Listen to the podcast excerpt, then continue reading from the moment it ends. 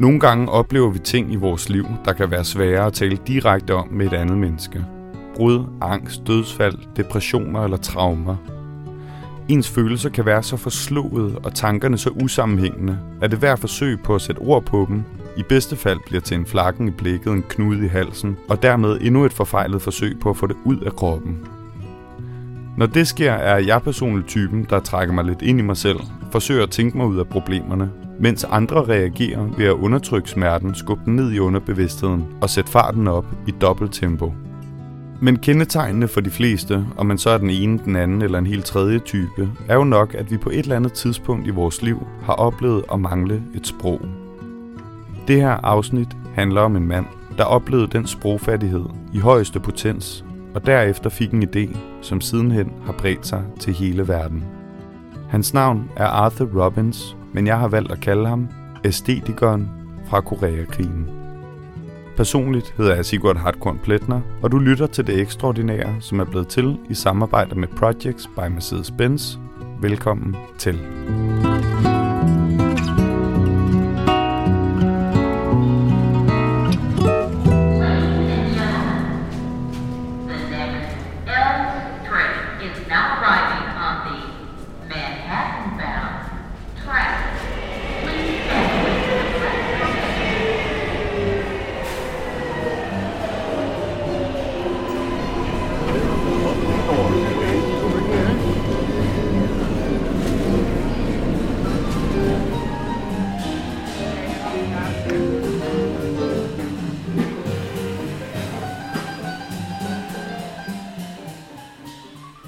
Arthur Robbins holder til en smuk gammel hjørnebygning på Manhattan i New York. Nærmere bestemt West End Avenue mellem Central Park og Hudson River, en enkelt blok væk fra Broadway. Jeg besøgte ham i hans otteværelses herskabslejlighed på 12. sal, hvor han de sidste 40 år har boet med sin hustru Sandy, der har et dukketeater i Brooklyn. Arthur er 90 år gammel, har venlige øjne og ligner en smule Allen Ginsberg på Ginsbergs gamle dage. Trods sin høje alder er han helt klar i hovedet, og da jeg besøgte ham klokken 7 om aftenen, fortalte han mig, at han har haft møder siden morgenstunden, og først regnede med at være færdig godt ud på natten, efter at have haft besøg af en psykolog, en psykiater og et par professorer. Arthurs travlhed skyldes, at han betragtes som en af grundlæggerne af den psykologiske retning, der hedder Art Therapy, eller på dansk kunstterapi. Og det er ikke kun selve terapiformen, der gør den her historie interessant. Det er lige så meget Arthurs vej dertil, og tanker bag. Art therapy kan måske lyde som noget bundefangeri, der er opfundet af et smart reklamebureau i Brooklyn, men det er faktisk langt fra tilfældet. Vi er nødt til at spole tiden helt tilbage til 1953, hvor Arthur som 25-årig nyuddannet psykolog fik den idé at søge ind i hæren som en af de sjældne psykologiofficerer. Det førte hurtigt til en opgave, der i den grad udfordrede rammerne for de daværende psykologiske metoder. Up here in the north, when I was a civilian, there were no openings for psychology officers. So I went down south, where I was an enlisted man. And then they posted a notice about openings for commission officers. And it was on a day I had KP. So I said, what could I lose? I get out of KP and don't wash dishes and have a friendly talk. I didn't expect to get be commissioned. So they asked me a question. At that time, McCarthy, I don't know if you're aware of McCarthy, who used to have a committee and went after anybody who had any communist or supposedly communist affiliation. It was quite the time. It was a bad time. And the Army asked me in the interview, How do you feel about McCarthy? I told them the truth. I didn't like who what he stood for. I didn't like his practice. So I said that was the end of that. But it wasn't. I got my commissioned. Next time I learned that the army hated him too. so here I was as a commissioned officer. And after training, I was shipped to the Far East. And then in Japan, little did I know they didn't know what to do with me because they didn't expect me to be there. So I arrived with a long letter to my wife. If this is what my country needs of me, this is what I'll do.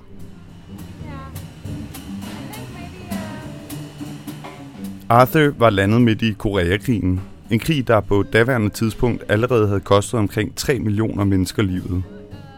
Han var udstationeret som en af ganske få psykologer, og opgaven bestod i, at han skulle diagnostisere traumatiserede soldater og vurdere, om de kunne komme tilbage til frontlinjen, eller om de skulle sendes hjem. En ret betragtelig opgave for en nyuddannet 25-årig.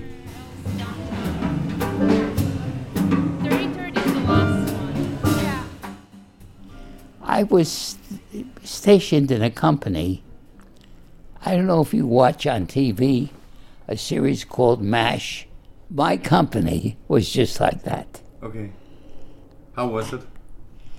Well, it was kind of anti establishment, anti authority. And the more you get into the front lines, you have greater leverage to do what you want to do.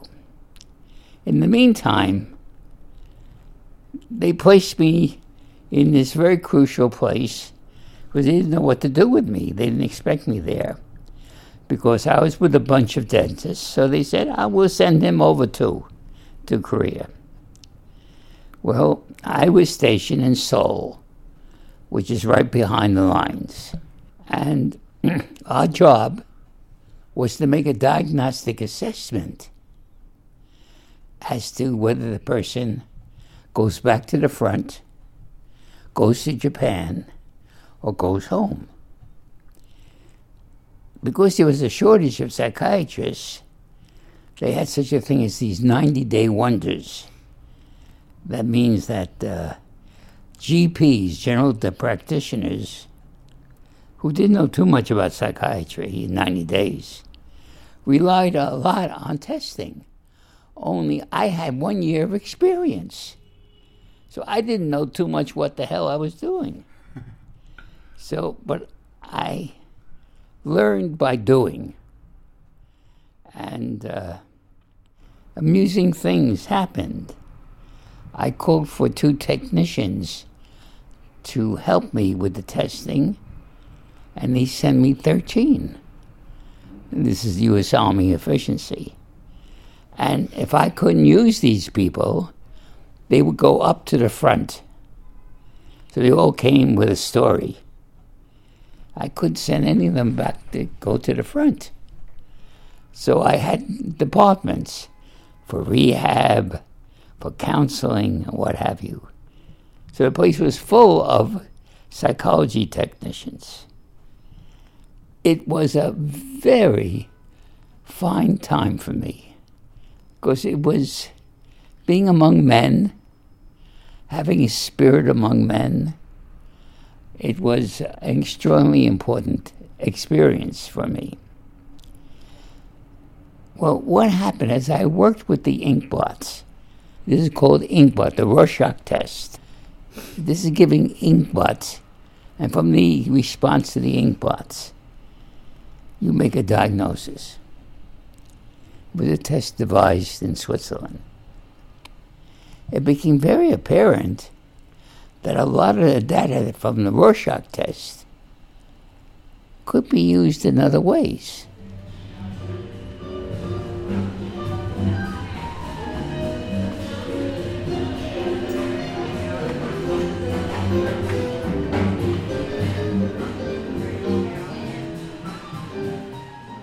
Her bliver jeg nok nødt til lige at uddybe en smule.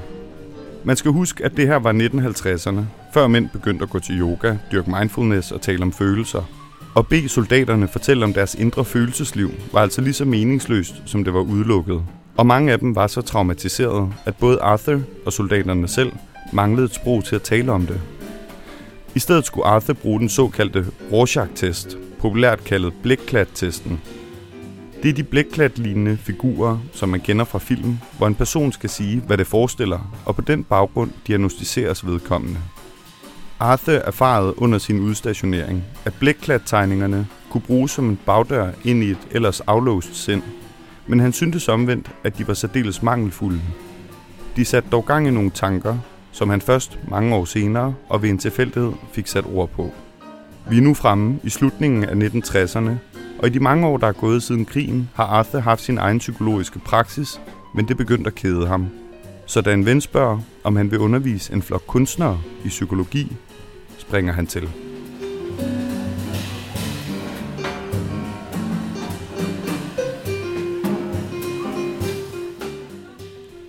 Now, I was trained strictly as a psychologist. But as I developed my practice, I got bored sitting here in the office. I knew somebody who got me a job just teaching psychology to artists. And uh, it was a wild class. Not like any class I ever taught because they were provocative, argumentative, like artists. I said, you know, they would be very good material to be art therapists. So, How come? So I developed from this ink blot test that I used in Korea a way of looking at art and helping them use art as a bridge to make connections to people who did not have words. A lot of trauma patients, people with early, early developmental problems, where there was no words, just fragments of sensations. But the ink blot test was just responding to color and form and sensation. And so out of that, I transferred that on to artwork as well, in the way of looking at artwork. And because it was the end of the 70s, oh no, the beginning of the 70s, there was a spirit in the air. Anything was possible. Uh, not like it is today. Uh, and so I brought to the board of directors, along with the head of the psychology department, a proposal to start a new profession called art therapy and creativity development. I said it will get starving artists jobs. Hmm. That that appealed to them. They didn't know what the hell I was talking about, but you know they decided to take a chance. Besides which, we got a grant from a foundation, and so we started year after year developing and evolving what art therapy was from our experience. It was like a profession in process of becoming. We didn't have it all set out. In fact, we didn't know half the time what we were doing. But slowly we learned. So it was a very exciting time. People would come to us.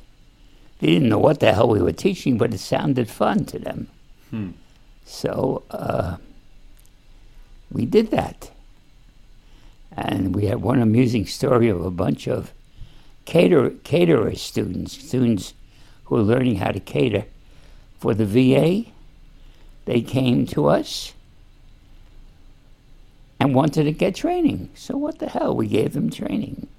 And they formed an artistic catering unit for veterans. Things like that just happened spontaneously and creatively. It was like the creative aspect of being in the process of uh, being part of something without having the answers to begin with, without being the authority to begin with, mm. but discovering things along with the people who are out there in the field. And the principles of creativity I applied all over the place. And so I applied uh, art and aesthetics wherever I went. And uh, new ideas were born. And then this became like an internal revolution, a way of working with people who could not use words. But when we started out,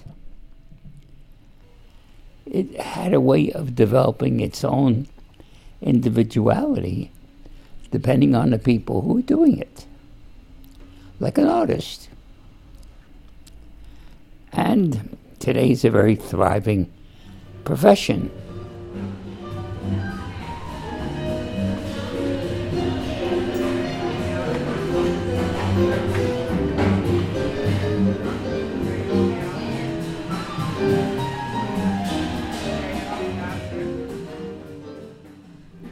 Jeg synes, det kan være trættende, når kunst bliver talt om som et eller andet samfundsmæssigt nytteprodukt, der bare skal stoppes ind alle steder, hvor der er plads, for så skal det hele nok blive rigtig godt. For eksempel med kunst på hospitaler. Det er overalt, og alligevel er det i hospitalets kontekst så fraværende, at det i bedste fald er ligegyldigt, og i værste et overgreb mod kunsten såvel som hospitalets patienter. Det er den der devise om, at kunst har magiske kræfter, at den kan hele de syge, øge samfundsproduktiviteten og gøre os til hele mennesker, blot vi kortvarigt kigger på den i kantinen. Jeg synes, at man dermed fratager kunsten dens egentlige værdier, dens sensitivitet og dens kunden. Og det er det, jeg godt kan lide ved Arthurs tankegang og måde at tale om kunst på. For han blæser det ikke op til noget, det ikke er. Han har en meget æstetisk og direkte tilgang til kunst – Hans egen far levede af at lave blomsterdekorationer til kvindehatte. Hans søster blev indretningsarkitekt i Montreal. Hans søn er en gudsbenået billedkunstner. Og Arthurs og Sandys herskabslejlighed på Manhattan er spækket med skulpturer og malerier, som Arthur selv har lavet i årenes løb. Men personligt kalder han sig selv for en junk artist. I Arthurs optik er kunst en metode, et rum og et sprog, et sprog, som kan bruges til at tale om nogle af de eksistentielle ting, der kan være svære at tale direkte om. Kunsten er altså ikke et produkt, den er mere en teknik,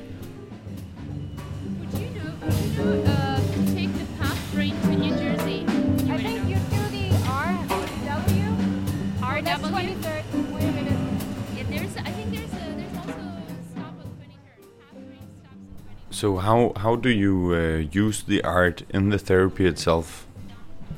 Well, you mentioned trauma cases. Well, sometimes trauma people cannot talk about what has happened to them. It's too horrible, and they close off. And slowly, if you make contact with them and give them some artwork to express themselves, slowly the memories come back. Okay. And they're able to talk about it, and they first discover in pictures that they make. Or uh, whatever they're using, the art form. Today it's used with dance, drama, anything is an art form. So the concept of art is expanded. So, can you give an example of how it works? So, if a trauma patient comes to you or came to you, well, do, do, you give them a pencil and say? No, no. We, we first establish or try to establish a relationship uh, so things are a little safe.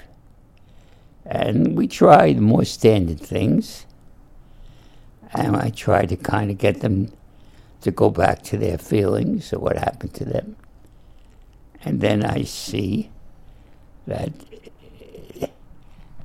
they are scared about re traumatizing themselves by going back to too hot stuff, too difficult. And I suggest, well, what about if we try this way? It might be of help to you. Now, they have to be comfortable with doing art. Some are not. And I find other ways of making contact so that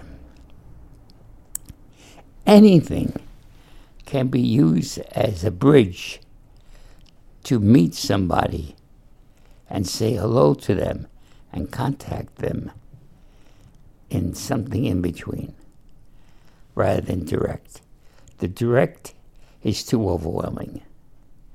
So the bridge becomes a playground, which gives them enough space and protection for them to look at things.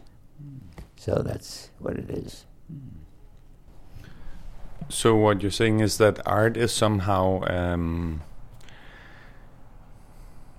a less committing way to talk about some very Unless it, it, it doesn't make you so vulnerable and exposed. So it's another language. It is another language. It's uh, it's stumbling upon a way that both of you can talk with some degree of excitement.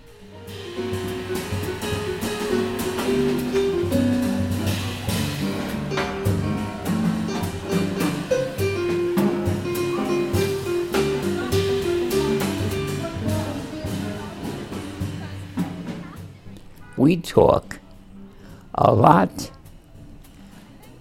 in gestures, the way you dress, the way you look at me.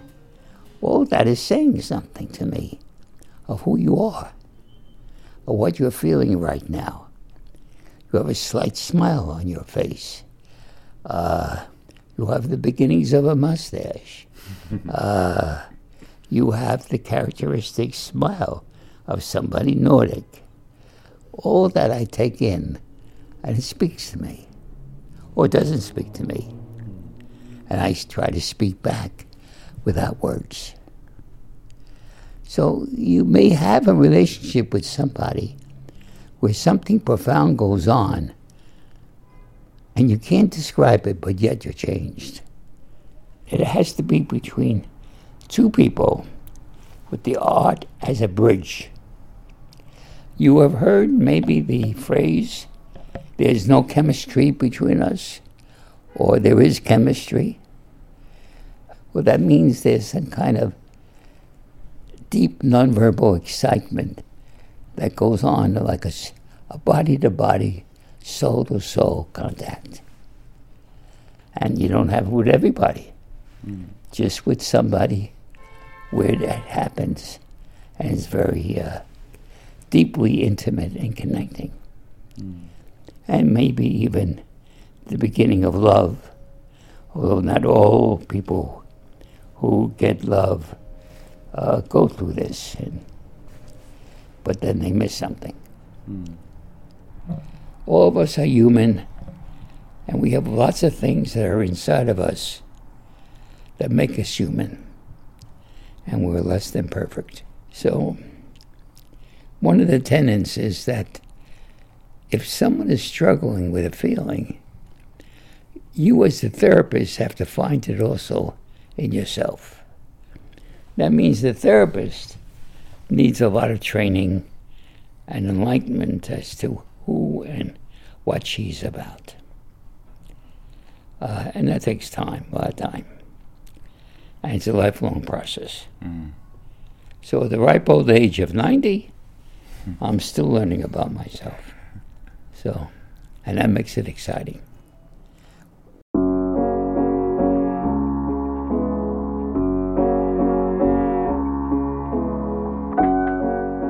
Arthur, if you should give like uh, one advice yeah. to people struggling with their mental health yeah. one way or another, what would that be?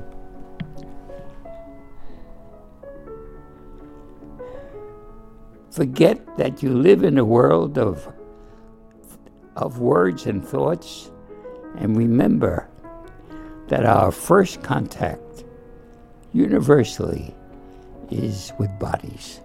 Hmm. That as we sit or see somebody for the first time, it is the senses that make contact, not the words and not the thoughts. I would say to be as authentic as you can while being aware of the other.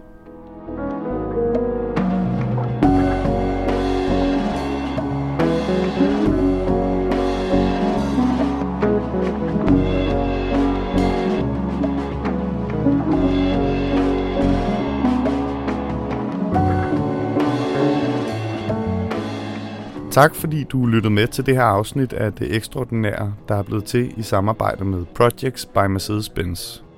Jeg vil gerne give en særlig tak til Mikkel Rosengård, der introducerede mig til Arthur. Og så vil jeg sige tak til Mads Kok, der har komponeret musikken, og til Emil Vilk, Signe Christiani og Thomas Borger, der sad i redaktionen. Idé til rettelæggelse, optagelse og klip, det var mig selv, og jeg hedder Sigurd Hartkorn Pletner. Godt nytår, og på genhør snarest. Thank you.